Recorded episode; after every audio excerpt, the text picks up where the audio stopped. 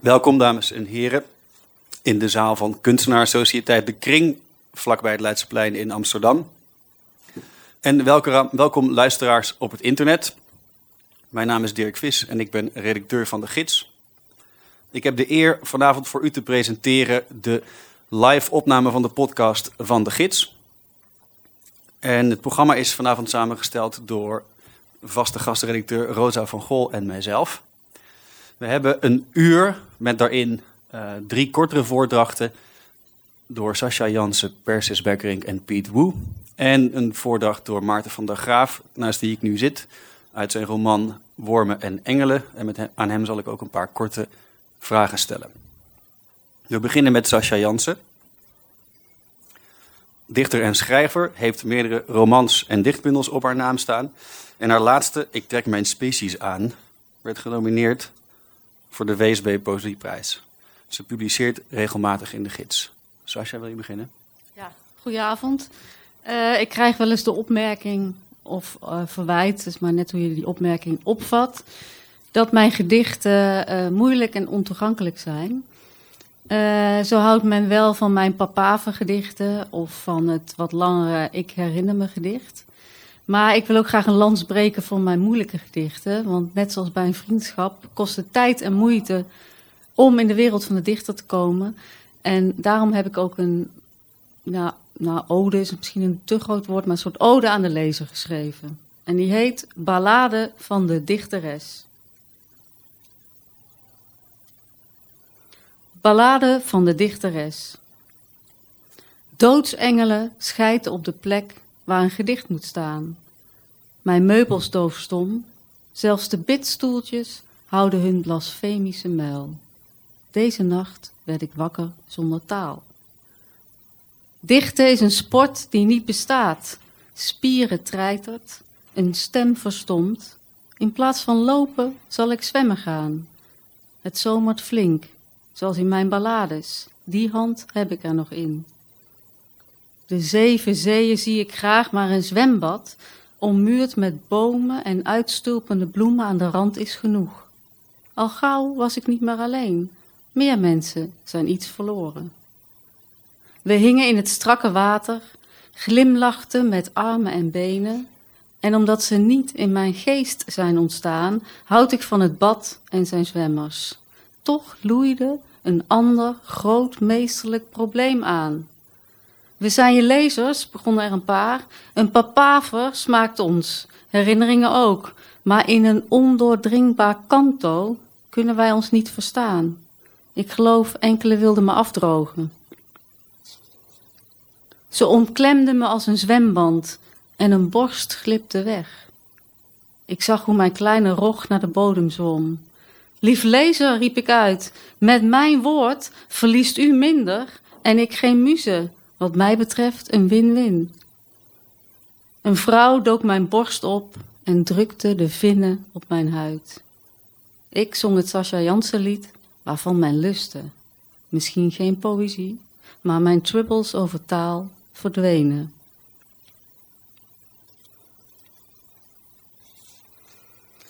Het volgende gedicht heet Virgula. Virgula is het Latijnse woord voor komma. En uh, ik ben een dichter en ik houd van de komma.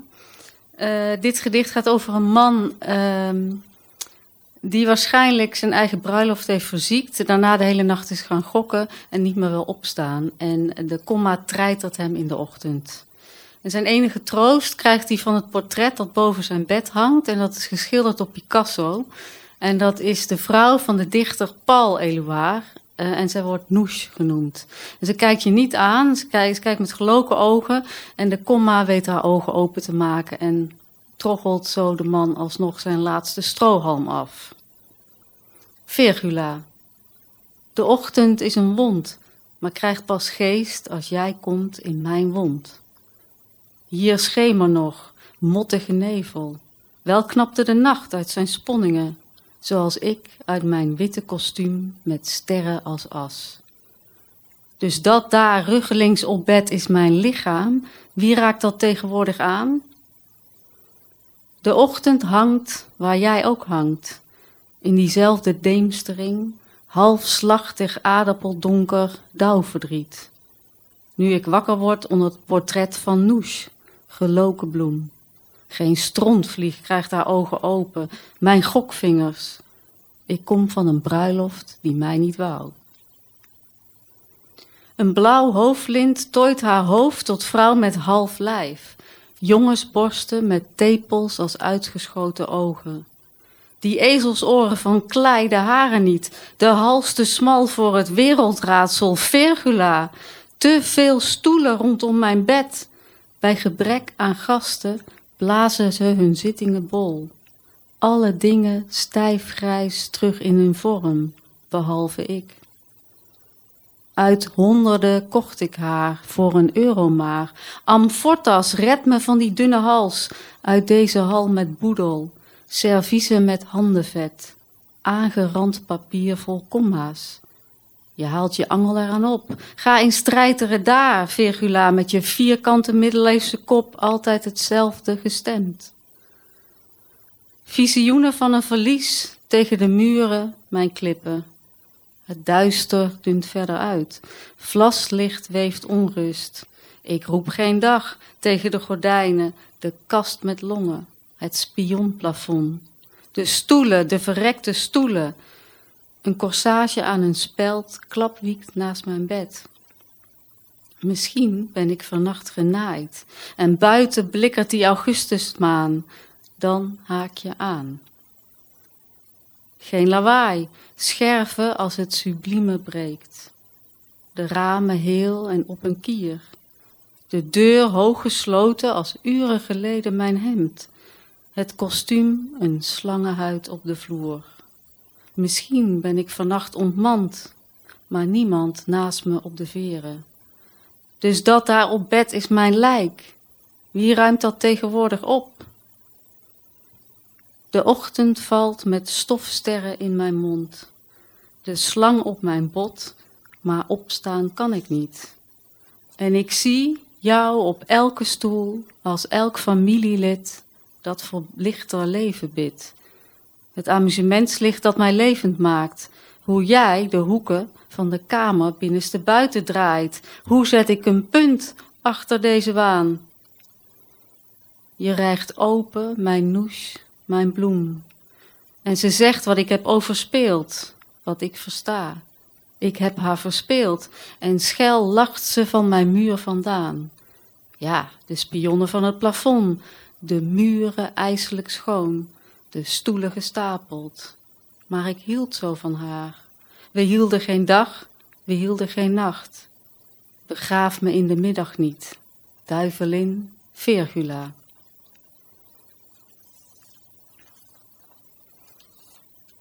Uh, het laatste gedicht is een ballade ook, net zoals het eerste gedicht dat ik voorlas. Uh, en ik heb uh, toen ik student was lange tijd als alfa-hulp gewerkt. Dan is het bedoeling dat je schoonmaakt bij mensen die ziek zijn, die het niet meer kunnen. Maar in de praktijk kwam het er vaak op neer dat je ook mensen moest wassen. En er was een groot gebrek aan personeel toen al. Ik heb vier ballades geschreven, vier ballades van de alfa-hulp en ik lees nummer drie voor. Ballade van de Alpha Hulp 3. Een met wanen ver in West. Een schooljuffrouw op hoge poten in de Klaus Kinderenweg. Maak met haar niet die grap. Een stewardess aan de Sloterplas met twee jongen nog en haperend hoofd. Een toetje, als je het ons vraagt. In de eerste keuken van die dag schuur ik het gele vet van de tegels wat geheid het hele zomerrantsoen van twee uur kost. Maar de vrouw stoot me steeds aan, zodat ik tussen haar lamellen gluur. Ik zie mijn fiets alleen staan. Binnen schemeren de rode lachjes op elke stoel en vensterbank, sommige poppen ongekleed, hun romp van stro, een distel in een porseleinen babyhoofd. Geen enkele hulp wil bij haar, wij hopen op jou. Ik schrop tot honderd wanneer ze in een achterkamer verdwijnt. En zie hoe ze op een los laken wijdbeen slaapt. Met links en rechts een poppenlijk. En al op de fiets krijg ik berouw.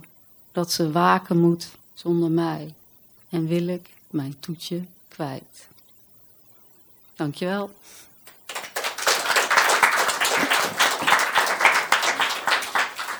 Dankjewel, Sascha. Dan gaan we naar Maarten van der Graaf. Die debuteerde in 2013 met Vluchtautogedichten, bekroond met de C. Buddingprijs. Zijn tweede bundel verscheen twee jaar later, bekroond met de J.C. Bloemprijs. Ook Maarten publiceert regelmatig in de gids. In 2017 verscheen zijn debuutroman Wormen en Engelen. En ik heb er erg van genoten. Ongeveer om de bladzijde zit er een ezelsoor en een aantekening. Dus we kunnen echt maar een paar vragen behandelen vanavond. Ja. Ehm, net tijdens het luisteren naar Sascha bekwam mij nog het, eh, het idee... het is fijn dat we dit opnemen, dan kun je het nog eens rustig een paar keer terugluisteren. Vond je niet? Ja, precies. Ja, nee, dat is het doel eh, toch ook van zoiets. Ja. Eh, ik genoot ervan. Ehm, volgens mij laat je aan leken en aan heidenen zien, aan niet-christenen, wat ik allemaal ben, hoe mooi het geloof kan zijn. Eh, af en toe een goed geplaatst en prachtig citaat, waarvan ik dacht, dit moet... Ik geloof het bijna niet, maar ik dacht, het zal wel uit de Bijbel komen, ben ik gaan zoeken. En inderdaad. En ik heb dat dus opeens heel anders gelezen. Oh, grappig. En je vermengt theologische mijmeringen met, eh, van je hoofdpersoon met Radiohead, met ecstasy en goede tijden, slechte tijden. Ja. En ehm, waar ik vooral erg van genoten zijn de vele vormvondsten, allerlei registers. Ehm, brieven, gedichten, essays, appjes, flapteksten, e-mails, eh, een hele, hele verhandelingen. Zou je daar een, ehm, voordat ik je vraag om iets voor te gaan lezen, zou je hier een soort stijl aan kunnen plakken? Hoe zou je dat noemen? Ja, ik had ooit bedacht toen ik iets las eh, dat wat ik aantrekkelijk vond, dat dat een soort plotseling essayisme is. Dat voordat je het weet dat iets van iets anders in een, in een soort essay is veranderd. Nou, later heb ik gedacht dat ik dat misschien toch niet zo'n goed idee vind. Maar het zit, er, het zit er wel in, denk ik, in dit boek. Het, de ene vorm loopt opeens in de ander over. En ik denk dat de hele simpele ehm, het hele simpele werk eigenlijk van dichters is vaak kijken of het een goed combineert met het ander. Eh, er is, veel mensen eh, doen dat volgens mij die dat werk kennen, maar er is zo'n regel in, het, in, de, in een dichtbundel van F. van Dixhoorn. Die is, wat is lekker bij wat? En eh, dat werkt zo, als je gedichten schrijft, denk ik, je, je bedenkt je, is dit lekker bij dit? Ja. En dat gaat eigenlijk ook zo met vormen. Dat ik denk, is, zou het nu lekker zijn om nu een e-mail te hebben, bijvoorbeeld? Of in te zoomen op een, of een andere eh, literaire vorm in te zetten. Ja, dat kan dan heel lekker zijn. Hopelijk. Ehm, nou, dan toch eerst nog een andere vraag voordat ik je vraag om iets voor te lezen. Mhm. Eh, want waarom werk je dan het ene ding wat lekker is uit in een gedicht en het andere in een roman? Ah, ik, het is niet zo dat ik denk ik eh, van tevoren al weet wat ik uit ga werken in een bepaalde vorm. Het komt voor mij meer uit de vorm zelf. Dus ja, je hebt wel een vaag vermoeden dat je misschien wel proza en, of poëzie gaat schrijven. Daar begin je wel een soort van mee. Ja, wat dat dan ook is, dat weet ik dus niet zo goed. Maar wat, eh, wat er voor eh, thema, inhoud of hoe je het ook wil noemen, uiteindelijk uit voortkomt, dat wordt meer door het materiaal van de taal zelf voortgebracht. Dan dat ik denk, "Hmm, dit is eigenlijk een heel boeiend eh, onderwerp. Zou dat het beste voor poëzie of voor... Dat, zo, zo gaat het toch niet helemaal, nee. Nee, omdat je dan meer de, eh, dat je het materiaal zelf nodig hebt. Dus is de scène bijvoorbeeld, dat, die heeft zijn eigen problemen in proza. En die, die, die brengen vaak dingen voort, in die problemen. Het is maar waar je op stuit. Ja, ja, natuurlijk heb je een, een begin, een aanknopingspunt. Ja. Maar eh, dan heb, je, heb ik waarschijnlijk, ik in ieder geval wel, wel een vermoeden of dat gaat a- ontaarden in eh, een gedicht of bijvoorbeeld in een kort verhaal of in een essay. Of, ja, dat, of dat lukt is een tweede, hè. Maar, Eh, nu dan toch, of je iets voor wilt lezen om Ja. er iets van op te pikken. We hadden het er net al eventjes over. Je gaat niet voorlezen de e-mail die Bram aan zichzelf stuurt terwijl hij high is met zijn vriendinnetje. Ik vond het namelijk wel heel erg mooi, dat moet hij dan lekker zelf lezen. Dit, eh, wat ga je nu wel voorlezen? Ik ga nu eh, een heel kort hoofdstuk, wat 12 is, voorlezen. Wat eigenlijk een, eh, ja, een, een, een opsomming is met het woord mensen erin. Oh, en het, eh, het gaat over de mensen die op het eiland Goeree Overflakkee wonen. Eh, jullie misschien bekend, dat is een Zuid-Hollandse eiland voor de kust van Nederland. Mensen die elke zondag weer over die kale weggetjes langs het water en de akkers gaan fietsen. Mensen die zeggen dat als je normaal doet het al gek genoeg is. Mensen die de zwarte bewoners van het dorp niet vertrouwen en hen achter hun rug om beschuldigen van allerlei kleine en grote vergrijpen. Mensen die gigantische hoeveelheden alcohol drinken, met elkaar op de vuist gaan, maar het over de verloedering van de jeugd hebben. Mensen die joelend flitspalen uit de grond trekken en bezopen achter het stuur kruipen. Mensen die hun eerste peuk voor hun tiende verjaardag opsteken. Mensen die voorafgaand aan een vergadering in het gemeentehuis God aanroepen. Mensen die stemmen op een partij die geen vrouw in de politiek wil. Mensen die via kerkraden en buurtverenigingen eindeloze oorlogen voeren. Mensen die met misbruik leven en niet van afkomen. Mensen die vinden dat als je er op die en die manier bij loopt, je ook wel een beetje zelf om vraagt. Mensen die als ze naar Rotterdam zijn geweest, zeggen dat het er zwart zag van de mensen. Mensen die op het Witte Eiland wonen. De bijnaam die drugsgebruik en handel flaké bezorgde. Mensen die harddrugs afzweren en Jezus vinden. Mensen die Jezus afzweren en harddrugs vinden. Mensen die Jezus en harddrugs combineren. Mensen die je minachten omdat je niet meer naar de kerk gaat. Mensen die white power symbolen op elektriciteitshuisjes spuiten. Mensen die zich terugtrekken in hun economische klasse en dit religieus legitimeren. Mensen die anderen excommuniceren en doodzwijgen. Mensen die slaan, geslagen worden. Mensen die zich ver van de randstad wanen. Mensen die dreigen een abonnement op te zeggen als de plaatselijke krant een interview met een homostel publiceert. Mensen die een rectificatie in de plaatselijke krant plaatsen waarin ze excuses aanbieden voor het interview van het homostel. Mensen die de islam een duivelse religie vinden. Mensen die bang zijn voor buitenlanders. Mensen die zich vervelen. Mensen die zich kapot werken. Mensen die aan een lot worden overgelaten. Mensen die zich schamen. Mensen die hun mond dicht houden. Mensen die de deur dicht doen.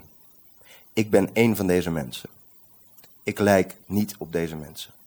Deze mensen zijn niet zoals ik denk dat ze zijn. Wat ik over hen zeg, is eenzijdig.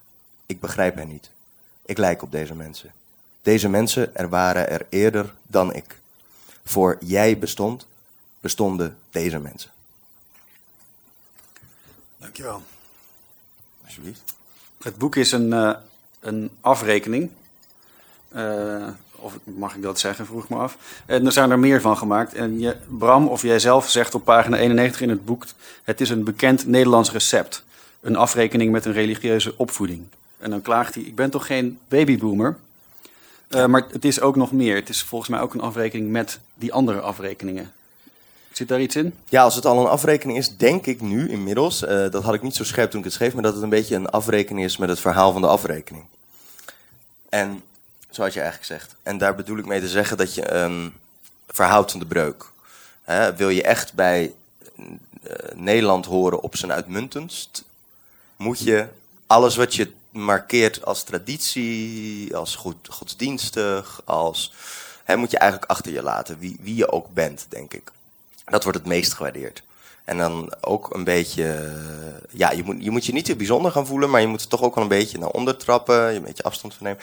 Dat, nou ja, dat, dat, wordt, dat wordt als heel uh, verlicht en belangrijk gezien. Ik denk dat dat narratief nog steeds klaar ligt.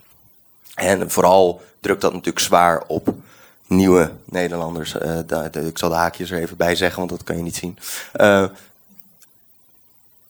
ja, en maar dat, dat is al eerder in de maak geweest. En ik denk dat die, die eerdere boeken die jij, waar je naar hint, hè, secularisatieromans zal ik ze maar even noemen, Terug naar Oestgeest, Vluchtregenwulpen, dat die eigenlijk veel ingewikkelder zijn en ze helemaal niet zo netjes in één narratief passen. Maar ze zijn symbool komen te staan voor zo'n breuk in die, in die jaren zestig. Dus daar, daar gaat de roman ook over. Ik ga natuurlijk expres bijvoorbeeld het hebben over progressieve katholieken in de jaren zeventig. Net ja, net na die boeken, of, of tijdens die boeken eigenlijk nog. Wat doen die dan? Als ze redelijk jong zijn nog, wat zijn hun idealen, verlangens, uh, wat hopen zij? Waar zetten zij zich voor in? En die zijn inmiddels oud, want dit boek speelt later, dit, in de 21ste eeuw. Maar ja, ik probeer dat ook af te graven, wat zo'n geschiedenis. Wat nou als je die toevoegt? En uh, is het misschien ook niet helemaal een afrekening omdat Bram aan het einde toch op een bepaalde manier nog steeds zich overgeeft aan die traditie? er zit een bepaalde overgave aan die traditie. Ja. Die is niet volledig misschien, maar en dat, dat blijft ook een beetje in het ongewisse. Maar het is niet een duidelijke lijn van...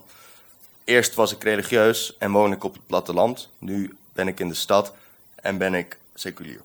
Ja, daar begint het mee, maar ja, volgens mij... begint het wel mee. Ja. Maar dat, dat was ook expres, omdat ik dacht...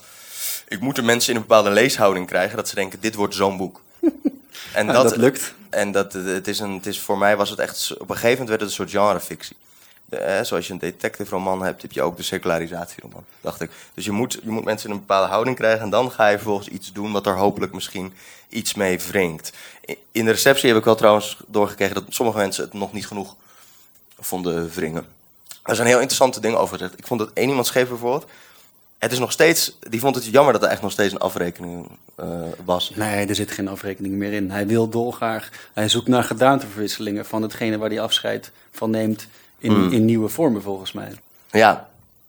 Nee, maar ik denk dat die, ja, die, die, bij diegene ging nog een stapje verder. En die zei, hij, of verschillende mensen in het boek, ehm, willen dan afrekenen met even dat, eh, dat liberale Nederlandse zelfbeeld, wat ik net probeerde te schetsen. En eigenlijk bevestig je daarmee weer het idee van het individu tegenover het grote narratief of het collectief, zonder dat je daar nog aan voorbij komt. Dat vond ik op zich een interessant, Hmm. eh, is een interessant idee. Ja, ik, ik pretendeer verder ook niet dat ik daar in een roman aan voorbij kan komen natuurlijk. Maar ik bedoel, hè, ik vond het nogal een boeiende lezing. Maar dat wringen, dat is lekker. En het wringt volgens mij helemaal niet eh, eh, te weinig. Ook niet te veel, eerlijk gezegd. Hmm. Moet ook niet, het is maar, ook maar een soort fetischisme, volgens mij. Eh, Bram zit bij Uterque. Dat Ja. betekent elk van beiden. Ja. Je moet zo even zeggen wat dat is. Goed. Het boek is ook elk van beiden. Dit is ook weer een citaat van deze Bram. Wijs en realistisch, maar ook zelfbewust en koket. Ja, Ik vond dat ook een beetje van het boek. En ik citeer ook de kritiek van Lena uit je eigen boek, die volgens mij ook Ja. op je eigen boek slaat. Ja. Zij zegt, en dan die ik-vertellers, Jezus, altijd maar weer een halfpuber die de wereld haat, maar wel seks wil hebben met andere mensen. Mhm. Of, Ja. of, die, wacht even, of de kritiek van Chris Kraus. Niet op jouw boek, maar die je wel citeert, waardoor het toch ook een beetje op je eigen boek slaat. Namelijk over die typisch heteroseksuele mannenroman als een nauwelijks verhuld ego-document waarin alle mensen rond de ik-figuur van andere namen hebben gekregen en net iets andere trekjes. ja. En dus de auteur is de held anti-held en iedereen wordt om hem heen wordt tot een personage gereduceerd. ja, met een soort heel dun eh, vernis van functionaliteit. Hoe pareer je al deze kritiek? Ik weet niet of ik het allemaal wil pareren. Dat zou ook een beetje gemakkelijk zijn, alsof je dat zomaar wops kon pareren.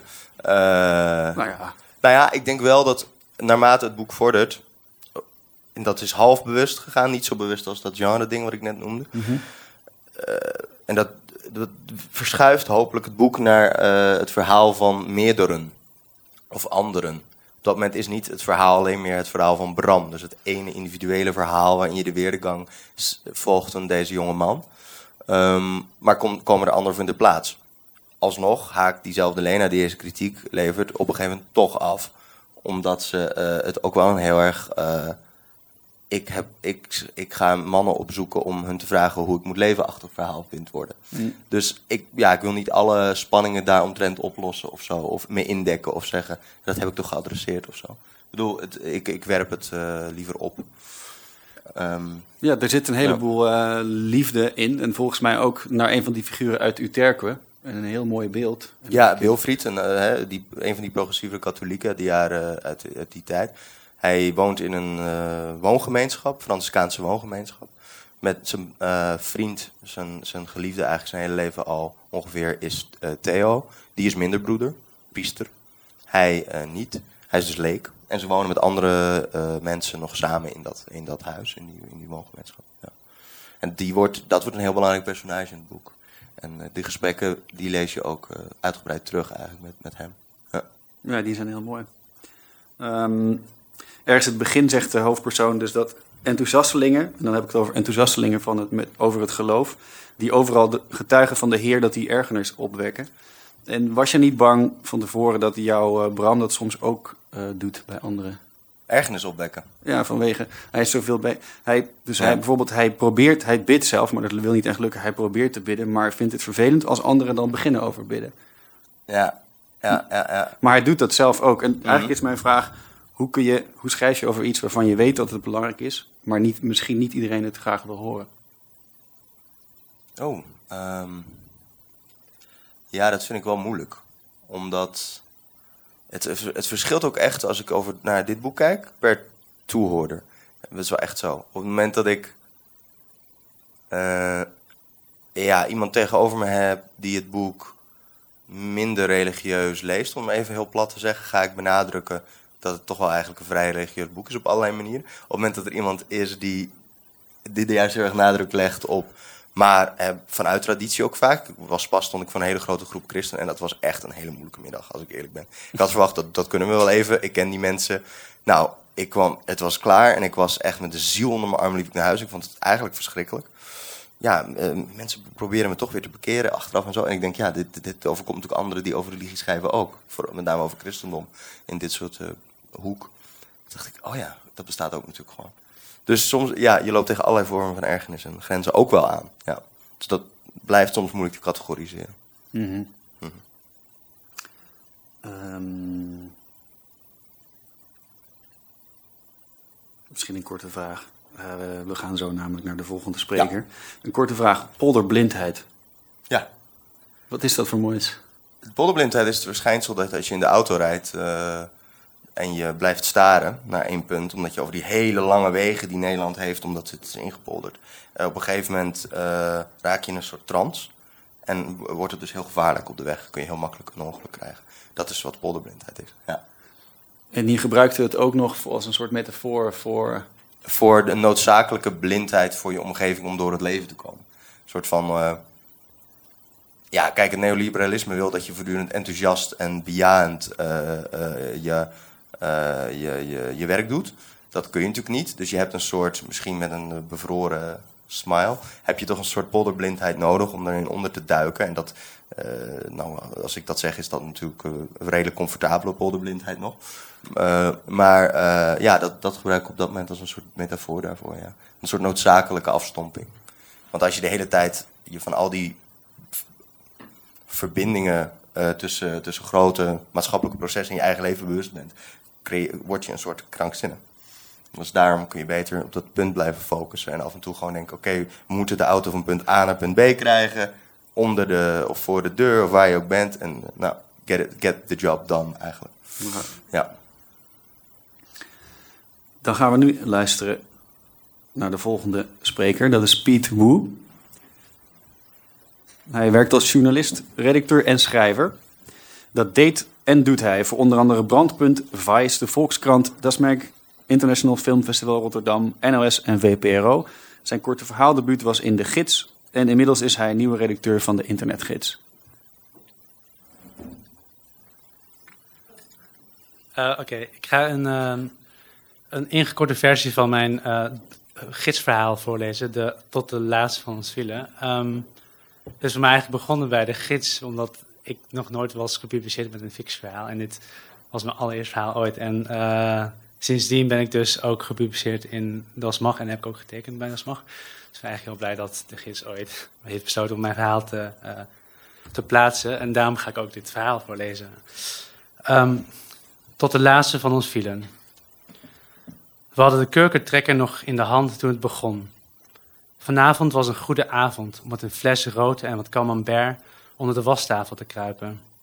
Gerard lag al te slapen in de andere kamer. We dachten na over wat je ons stuurde, voordat je pardoes uit ons leven verdween. Hou op, hier kun je niet blijven bellen. Bevelend en instructief. Deksels. We, over, we overwogen vanavond zelfs een handje chips. Kan ons het wat schelen? Maandag starten we weer met zo'n dieet. Opnieuw beginnen. Tabula rasa. Langzaamaan raakten we versuft door de wijn en de kaas.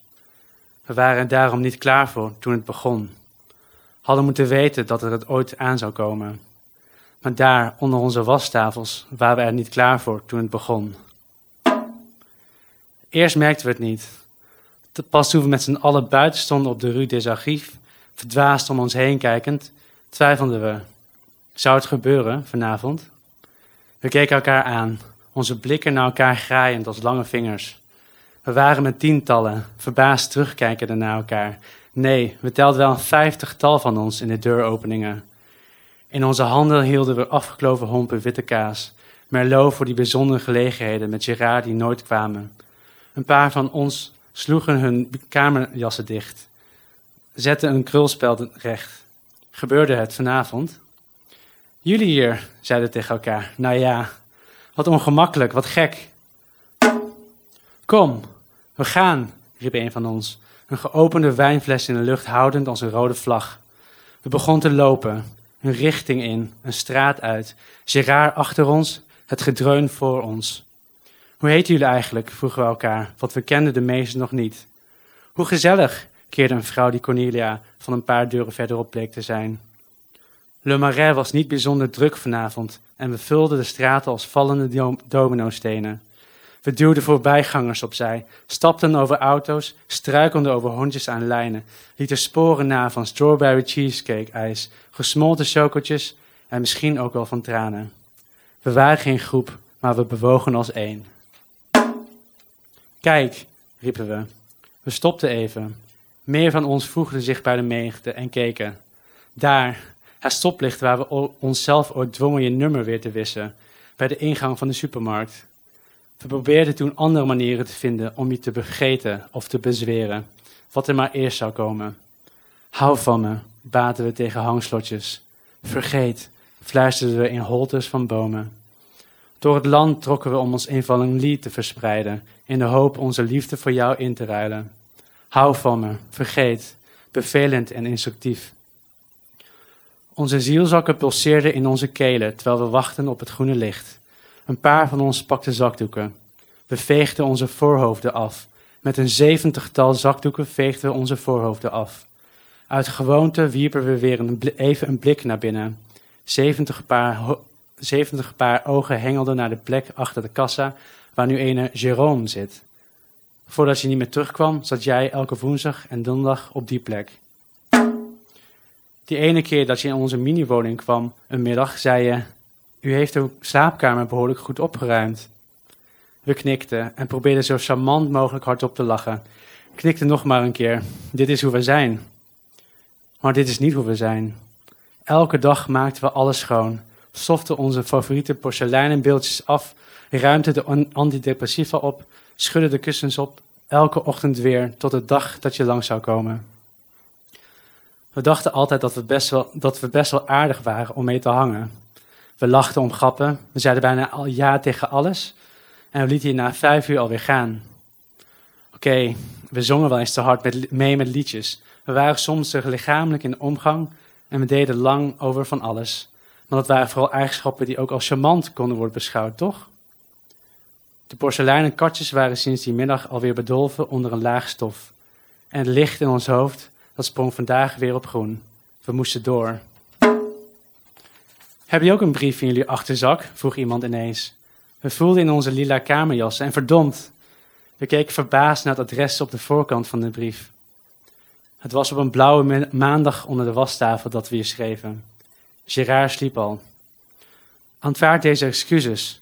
Het komt misschien nog maar eenmaal in jouw 79,1 jaar, een gemiddeld mannenleven, voordat we elkaar gaan tegenkomen.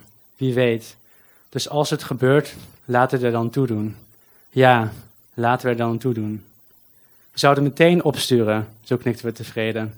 Maar het adres op de brief bestond niet meer en er was bovendien nooit verzonden. Dus wat maakt het uit? We haalden onze schouders op en holden door, de kant van het steeds sneller dreunende geluid op. Met inmiddels een stuk of 150, 200 man sterk trokken we de straten over. Het gedreun werd sommigen van ons te veel, dat besefte ons maar al te goed. Het was ook allemaal niet makkelijk. Hoe zijn we ineens zo oud geworden? Hoe zijn we ineens 57 jaar? We waren zo jong en nu zeurt onze linkerheup en verzakte onze rechtertiet. Laten we erop uittrekken en deze fiets jatten. We gaan die auto in brand steken. Nee, blijf van me af. Patricia van 5C praatte steeds sneller. Haar woorden werden paniekerige gilletjes. Nee, Patrice, waarom? We zijn beschaafde mensen. Dit is behoorlijk onnodig. Wat doe je nu? We probeerden haar te sussen, maar ze was niet meer te stoppen. Met een hupje was ze bij een oude Peugeot, die ze uit wanhoop besmeurde met haar stuk blauwe kaas. We keken toe, even, maar we moesten verder. Maakt het uit dat je pas 15, bijna 16 jaar was? Het waren vooral onze lichamen die we niet meer zomaar konden aanbieden. Na je berichtje moesten we verder. We reden niet meer in Gerard's oude auto met zonnebril op langs je huis. We spraken niet meer met verschillende stemmetjes je voicemail in. En we bezochten nooit meer Chanel's Facebook, die, die, die Tut Hola, met wie je op 15 augustus 2016 naar Disneyland Parijs ging. We dachten bijna niet meer aan wat je ons berichtte. Deksels, we overwogen zelfs een handje chips. Tot het dreunen ons vanavond kwam halen. Op de hoek van de Rue d'Arcole en de Seine, vlakbij de Notre-Dame, begon een van ons tijdens het lopen ineens haar kamerjas en toen haar t-shirt uit te trekken. Doe normaal, Annette, met twee N en twee T's, zeiden we. En we trokken haar shirt. Doe normaal, dit hoort toch niet? We schudden onze hoofden. Iemand zuchtte hard. Maar één voor één ging ook onze eigen kledingstukken uit. BH's, flubberige onderbroeken, oorbellen, krulspelden, ijslepels, crocs, alles wierp er van ons af. De wind raasde langs onze tepels. De kou voelde nog nooit zo comfortabel. Tabula rasa. Plots riep iemand, stop! We bukten bij het hek vlakbij de beruchte brug, die vol hing met honderden slotjes. Maar we waren met zoveel naakte lichamen, 300, 500 misschien, dat we ons moeilijk konden verstoppen. Het was al donker, maar we herkenden je meteen. Daar stond je, in al je jongensglorie, met je donkere krullen. Je had net iets te veel haren in je nek, je schouders bolden in je visserstrui. Je jonge vingers krulden zich verleidelijk maar gespannen om de armen van een grote betonschaar.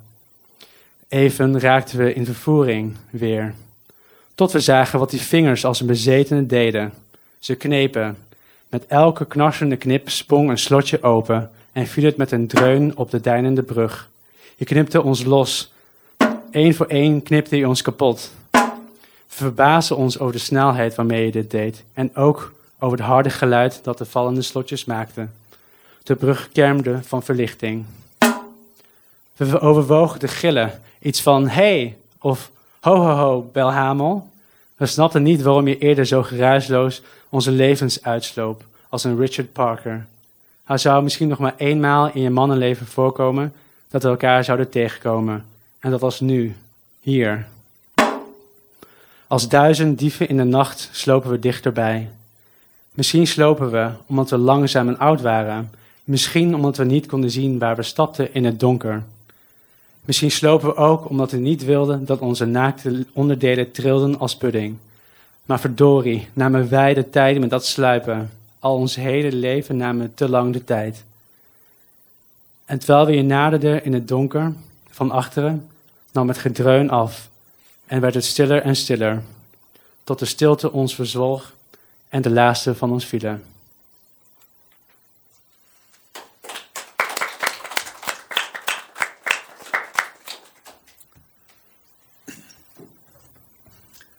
Maarten, terug naar Bram. Um, Ja. Zometeen vraag ik je om een kleine demonstratie te doen. Maar eerst, ehm, Bram die dus van zijn refor- gereformeerdheid eh, afstapt... gedraagt zich volgens mij ook soms een beetje als een soort soefi. Eh, intoxicatie, drugs, dansen, vrijen. Ehm, hij stapt van zijn geloof af, terwijl anderen massaal ehm, yoga, boeddhisme... en andere oosterse vormen van religie en spiritualiteit oppikken. Is het, heb jij daar enig zicht op? Op die vormen bedoel je? Ja, is het, is het misschien daarom dat hij er niet zo nodig ook mee af hoeft te rekenen? Hmm. Ja, ik denk wel dat eh, de mystieke tradities ehm, hem aanspreken. Eh, en dat zijn, en die spreken in zekere zin zo'n personage als Wilfried ook aan. Eh, Simone Weil speelt een rol in het boek. Zij is mm, naast allerlei andere dingen ook wel een, een mystica te noemen. Ehm, dus ja, die, die soort onderstroom is, er wel, is wel degelijk aanwezig, denk ik. Het bela- de belangrijkste heilige voor, eh, voor die, die Wilfried is Franciscus. Daar, hij is Franciscaan, daar heeft hij zijn hele leven zich in verdiept. Dat is nou niet bepaald eh, misschien de eerste waar je bij mystiek aan denkt. Hè, omdat hij eigenlijk een heel praktische eh, manier van christen zijn, of hoe moet je dat noemen, eh, eh, erop nahield. Namelijk, we gaan gewoon het evangelietje naspelen in eh, Italië, zeg maar even, heel kort door de bocht. We gaan gewoon inderdaad geen bezittingen hebben, we gaan op pad. En nou ja, dat vindt, we gaan het gewoon letterlijk uitvoeren. Dat deed Simone Weil ook, toch? Ja, zij heeft ook een, een, zo'n gerichtheid op de praktijk in zekere zin. Dat ze allerlei dingen wil, wil ondergaan. Bijvoorbeeld in de fabriek werken om arbeiders beter te begrijpen. Ook, dat heeft ze uiteindelijk een, een, een, een klein jaar is dat gelukt. Overigens. Maar ehm, ja, dus. En tegelijkertijd gebeurt er natuurlijk iets heel raars met die Franciscus. Want die, die krijgt de stigmata. eh, hè, die in zijn, de wonden van Christus in zijn, eh, zijn handen en in zijn voeten. Ehm, wat natuurlijk weer een heel vergeestelijkt, eenzaam moment is in die, in die traditie rondom die figuur. Ehm, dus ja, die spanningen van met de groep eh, rondtrekken in Italië en op een, op een berg de stigmata zitten te ontvangen, is ook wel denk ik exemplarisch voor sommige personages in het boek. Ja. Dus je citeert ook stukken van Simone Weil. Ja. En die- ze, keert, ze keert op allerlei plekken eh, terug. Waarom is dat eh, nu? Of moet ik zeggen vorig jaar? Heb je daar enig idee over? het is al honderd jaar geleden dat zij... Eh, Ja, keert, waar, ze keert nu op nog meer plekken terug, bedoel je? Nou, er is een hele brede... eh Simone Weil is altijd wel best wel echt gelezen. Eh, niet eh, altijd met instemming. Maar wel, men verhield zich ertoe. Eh Susan Sontag schreef over haar bijvoorbeeld. Albert Camus was een heel grote pleitbezorger van haar werk. Ehm eh, Giorgio Agamben heeft een heel boek over haar geschreven. Ehm, en nu zie je haar ook weer nog veel breder worden opgepikt. Ze is, niet, nou, ja, ze is natuurlijk zo- zoals socialist, filosoof, eh, christen, mystica, al die dingen. Maar eh, ze wordt ook bijvoorbeeld nu gelezen als een, een denker over zorg. En er is een heel artikel verschenen over Simone Weil's feministisch denken over zorg. Ze is een ehm, ze wordt echt als machtsfilosoof meer gelezen. Dus het, het is een heel brede. Zij kent best een, een, brede ontvangstgeschiedenis. Ook al duikt die af en toe er weer even op en dan, dan lijkt het weer nieuw. Maar dat gaat vaak zo met dat soort dingen. Dat je denkt, hé, hey, waar komt dat nou weer vandaan? En dan, dan, was, dan gebeuren er natuurlijk altijd al wel dingen. Ja. Dus voor mij was, was er wel degelijk een ontdekking. En daarna ontdekte ik natuurlijk weer dat, het, dat zij al, weet ik veel vaak, weer ontdekt was door anderen. Zo, Ja. zo gaat het vaak. Ehm, zij, je citeert haar bijvoorbeeld als ze zegt... ik heb slechts door het lijden heen de tegenwoordigheid van een liefde gevoeld... Ja. die overeenkomt met datgene wat men in de glimlach van een beminde leest. Eh, volgens sommigen is dat precies wat God is, de glimlach van een beminde. Heb je dat zelf ook wel eens gevoeld? Ja, En waarin? Ehm, ik denk dat toen ik, eh, misschien niet zo sterk, dit is wel echt heel sterk, Eh, maar ik denk dat ik, ik was op een gegeven moment als tiener wel gelovig. En toen heb ik wel eens de tegenwoordigheid van een eh, God gevoeld. Ja, dat, dat durf ik toch altijd beweren. Ik zeg niet dat dat echt was, maar het- dat maakt me ook even niet zoveel uit op het moment. Want dan kom je in een soort debat wat ik niet zo interessant vind hiervoor. Maar wel, het was wel een soort ervaring die ik kon, me kon voorstellen dat ik die had in ieder geval. En dat is bijna hetzelfde als hem hebben misschien. Ja. Ja. En heeft, is de kracht ervan, of het nou echt is of niet... heeft dat zich nog wel eens herhaald? Ehm, Toen je niet meer gelovig was? Mm, Ja. Ja, dat, nou ja, dat idee van iets heel groots wat zich opent tussen mensen, onder mensen. Dat is iets wat ik wel meemaak op, op andere plekken ook, ja. Eh, dat, dat is een van de hele bijzondere dingen als dat eh, gebeurt als iemand bijvoorbeeld spreekt of een tekst uitspreekt of voordraagt. Of dat kan ook wel eens gebeuren. Eh, ja, dat je, de, de- het is ook weer zo banaal misschien als het gevoel dat je boven jezelf uitstijgt.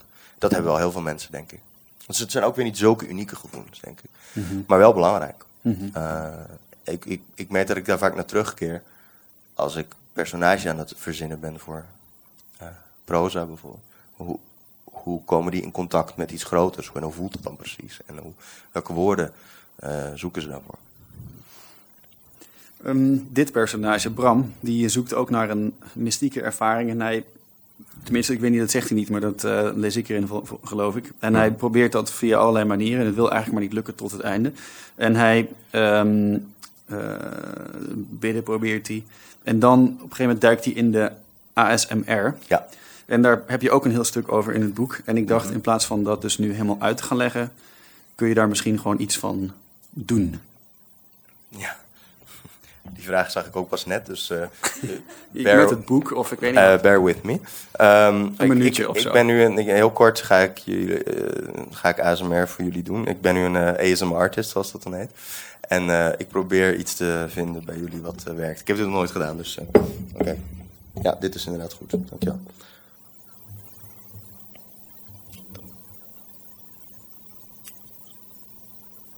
Welkom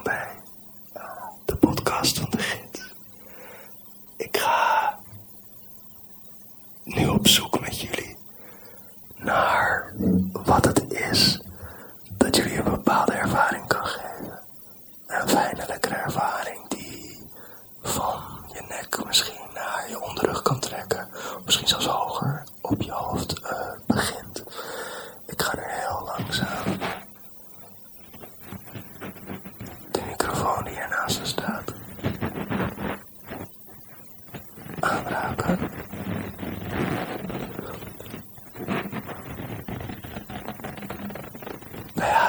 is het uh, belangrijk om te vinden wat je specifieke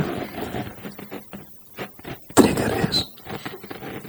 En dat kan verschillende dingen zijn.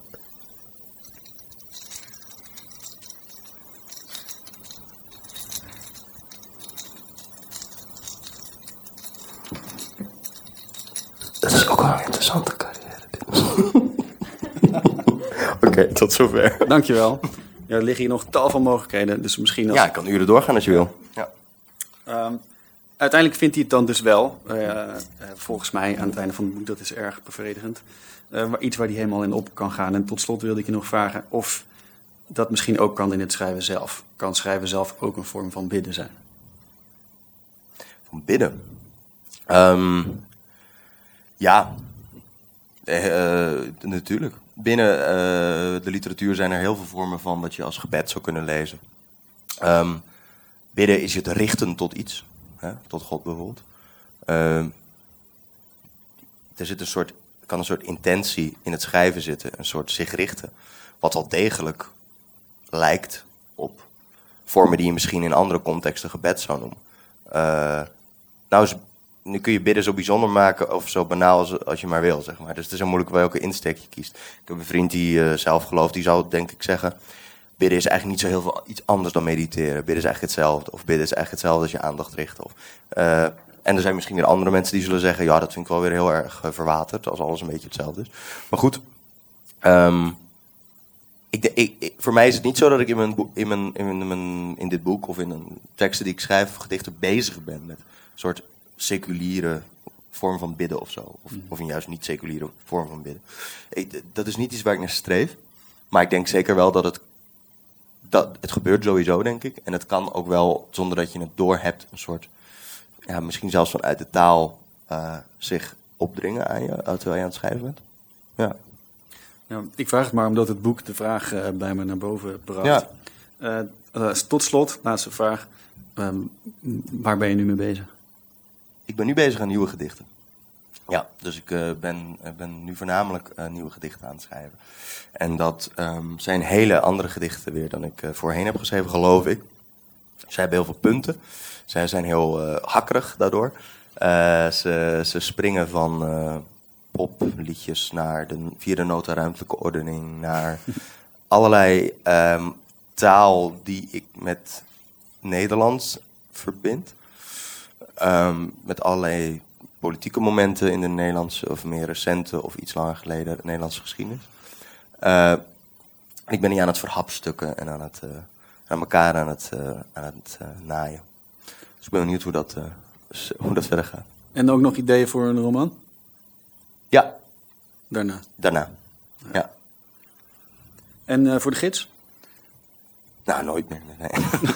uh, uh, ja, dat weet ik nog niet. Dat, uh, dat zullen we zien. Oké. Okay. Ja. Bedankt, Maarten. ja, jij ook bedankt. Dan gaan we luisteren naar de laatste spreker van vanavond, Persis Bekkering. Zij debuteerde dit jaar met de roman Een heldenleven. Ze schreef kort proza voor de Revisor en DWB en publiceert over literatuur, opera en klassieke muziek voor de Volkskrant en Theatermaker. Sinds kort is ze ook redacteur van de internetgids en in het jongste nummer staat een verhaal van haar. Persis? Van de papieren gids. Van de papieren gids. Ja. Uh, onderdeel van het uh, redactielid zijn van de internetgids is uh, dat je columns mag schrijven. we hebben een wisselcolumn als redactie. En eigenlijk ben ik helemaal geen columnist en ik schrijf nooit columns, maar ja, ik heb het dus toch geprobeerd. En dat is een paar dagen geleden online verschenen en ik lees het nu voor jullie voor. Het heet Ik ben schrijver en ik verzaak. Met de elektrische bakfiets halen ze me van het station. Mijn vrienden uit mijn studententijd en hun twee jonge kinderen. De welbespraakte dochter van vier vraagt me haar fiets te bewonderen en daarna haar handschoenen met glittereenhoorns.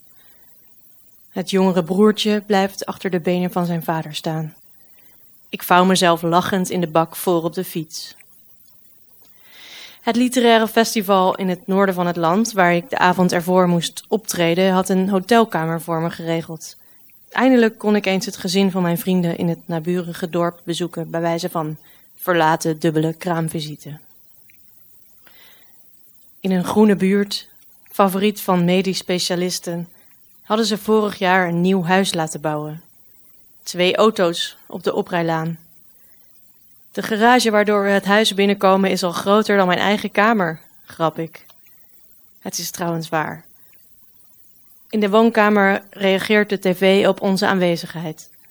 Het zwarte vierkant wordt plots een schilderij met een stilleven met appels erop. Aan de zonovergoten keukentafel praten we de gemiste jaren bij. Ik herinner me hoe ik tien jaar eerder als student ook bij hen aan tafel zat. Dezelfde tafel was het en al waren we leeftijdsgenoten, toch zag ik hen soms als mijn surrogaatouders. Tegenover hen met hun banen, hun huis, hun verankering in het leven, voelde ik me een wees. Een verfrommeld vogeltje met een gebroken vleugel dat zij liefdevol verzorgden tot het weer uitvloog.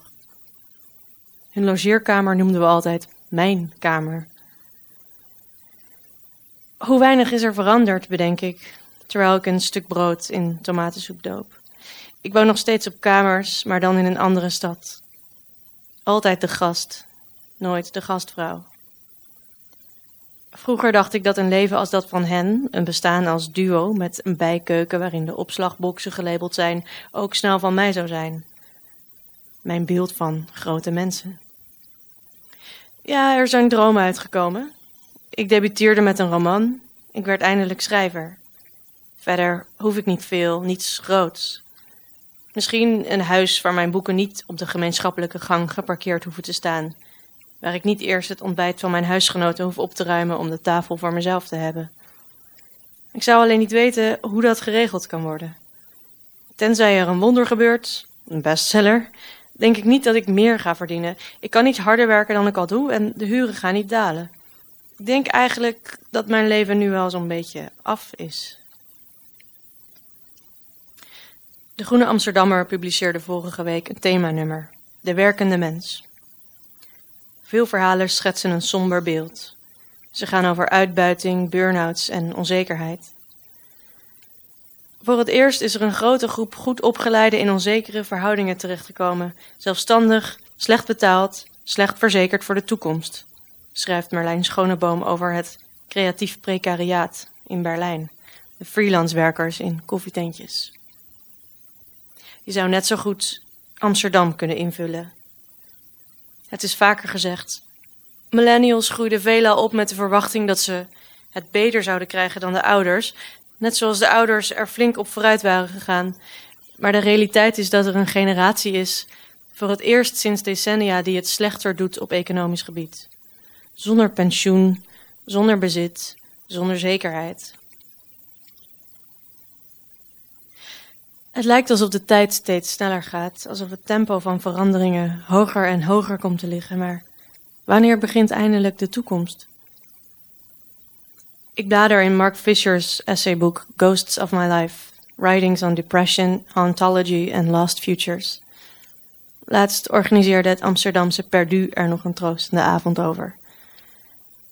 Het is eigenlijk een boek over popmuziek, maar het geeft voor mij de woorden aan een levensgevoel dat me in toenemende mate in de greep heeft. Een soort melancholie voor iets wat we verloren hebben. Fischer beschrijft aan de hand van theorieën van Jacques Derrida, Franco Bifo Berardi en Frederick Jameson hoe de afgelopen dertig jaar het idee van de toekomst langzaam verdwenen is. Niet letterlijk als tijdsaanduiding, maar als psychologische perceptie, als idee van vooruitgang, dat wat de moderniteit heeft beloofd. Vroeger, schrijft hij, kon je nog echt verbijsterd zijn bij het horen van bepaalde nieuwe muziek. Wat is dit? Tegenwoordig lijkt het alsof we met een voortdurende heigerigheid leven, waarin trends alweer uit zijn voordat ze in waren, maar in feite worden er louter nog oude ideeën en vormen gerecycled. We bewonen een pertinent anachronisme. Het motto van het boek komt uit Tuscan Leather van Drake.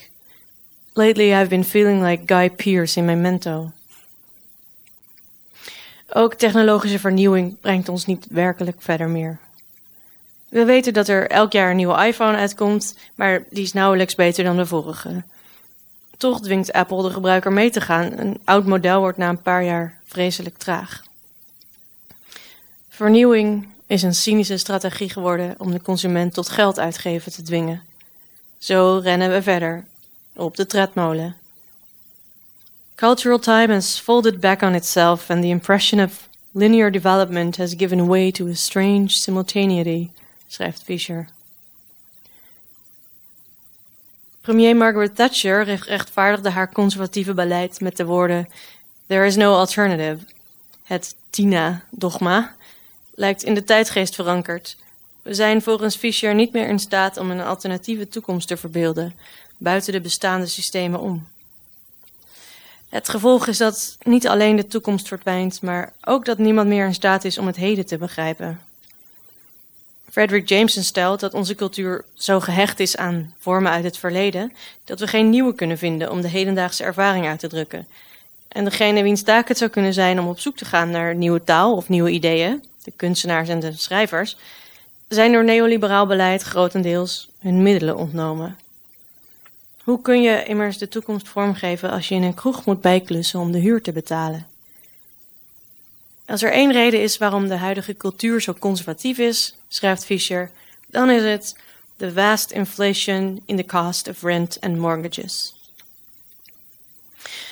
Ik heb van schrijven mijn beroep gemaakt, dus ik zou hier iets aan moeten doen. Maar mijn denken aan de toekomst gaat vaak gepaard met angst. Ik ben bang voor ecologische crisis, voor hegemonie van extreemrechts, voor ziekte of professioneel falen. Misschien blijf ik daarom in de oude vormen hangen. Niet per se omdat ik een te hoge huur heb, maar omdat me de moed ontbreekt om zin te maken. Zin in een toekomst die vooral heel erg duister lijkt. Ik ben schrijver en ik verzaak. De kinderen van mijn vrienden geven me een haastige knuffel. De zoon draagt inmiddels een blauwe prinsessenjurk.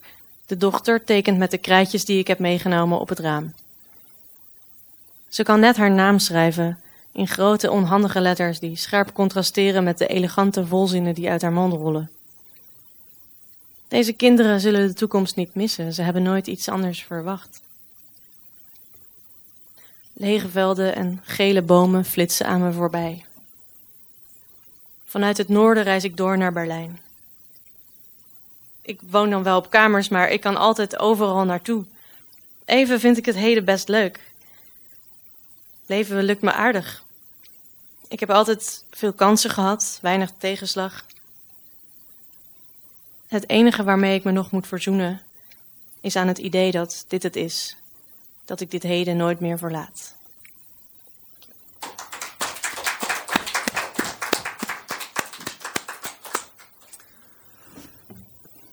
Dankjewel, Persis. Tot slot, namens de gids, de internetgids en namens Rosa van Gol, dank ik onze auteurs Persis Bekkerink, Maarten van der Graaf, Piet Woe en Sascha Jansen. Dank u wel de Kring voor het hosten van de podcast, Nederlands Letterenfonds en u, de luisteraar. De gids leeft van haar abonnees en als u nog geen lid bent, klik dan nu op abonneren. En als u in de zaal zit, vergeet dan niet om zo meteen een exemplaar van het jongste papieren nummer mee te nemen. Dank voor uw aandacht en tot de volgende keer.